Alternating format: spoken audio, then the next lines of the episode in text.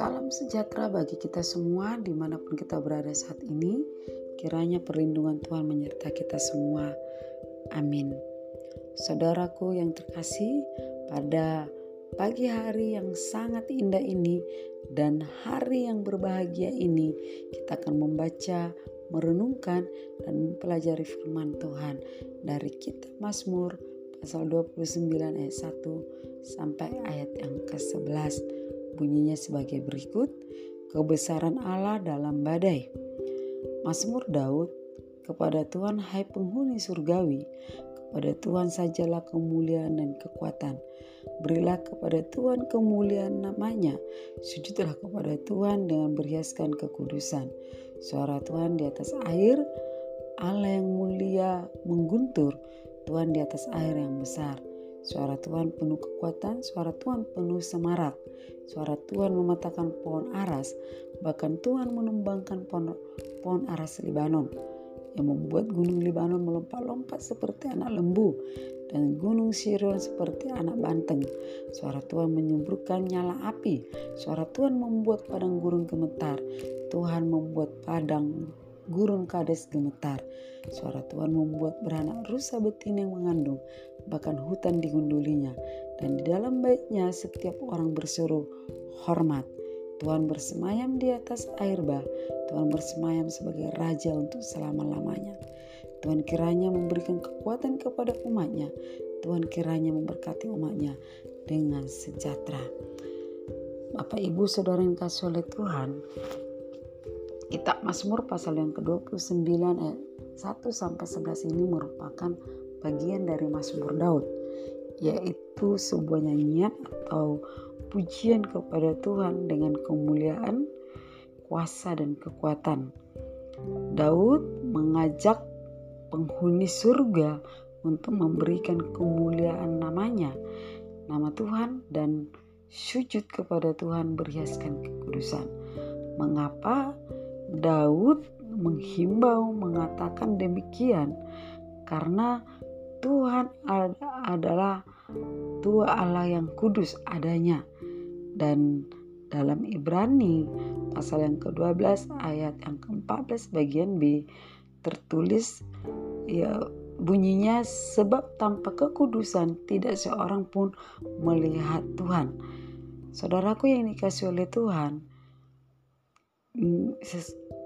kita dihimbau hidup berhiaskan kekudusan supaya kita bisa melihat kebesaran Allah di dalam badai.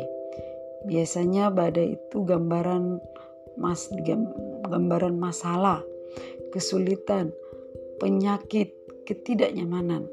Namun dengan cara hidup seseorang sesuai firman Tuhan, dengan seseorang hidup di dalam kekudusan, maka seseorang tersebut akan melihat karya tangan Tuhan, melihat kekuatan, melihat kehebatan, dan melihat kemahakuasaan Tuhan dalam setiap badai yang kita hadapi.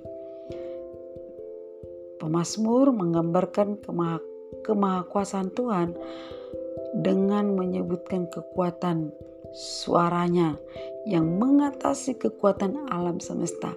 Antara lain, saudara yang oleh Tuhan, ayat 3 sampai yang ke-9 yaitu kemahakuasaan Tuhan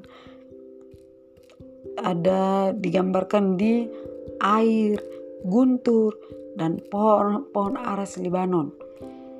Kata suara Tuhan yang kuat muncul sebanyak tujuh kali dalam teks ini, dalam pasal ini, yaitu ada ayat 3, 4, 5, 7, dan 6, dan 8 dan ayat yang ke-9 dan dengan maksud supaya umat Tuhan sungguh-sungguh meyakini bahwa Tuhanlah yang berkuasa atas segala sesuatu dan bahwa dewa Baal tidak berdaya menghadapi Tuhan serta pohon aras Libanon yang kuat yang mana Bapak Ibu Saudara yang kasih oleh Tuhan kita tahu pohon aras adalah pohon yang tingginya bisa mencapai 24 meter dan bisa tumbuh bertahan ratusan tahun lamanya.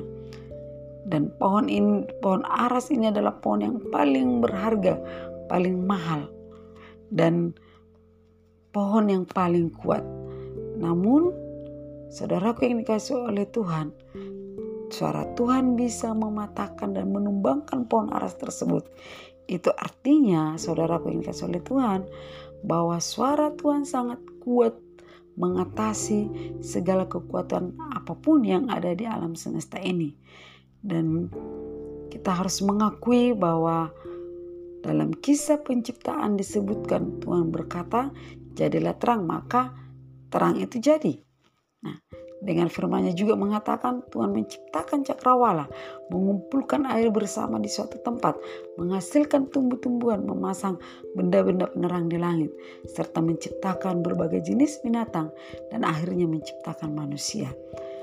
Demikian kuatnya suara Tuhan tidak bisa dibatasi dan tidak bisa dihalangi oleh tembok apa pun, tidak bisa dihentikan oleh arus mana pun Musuh-musuhnya tidak berdaya mendengar suaranya Tuhan.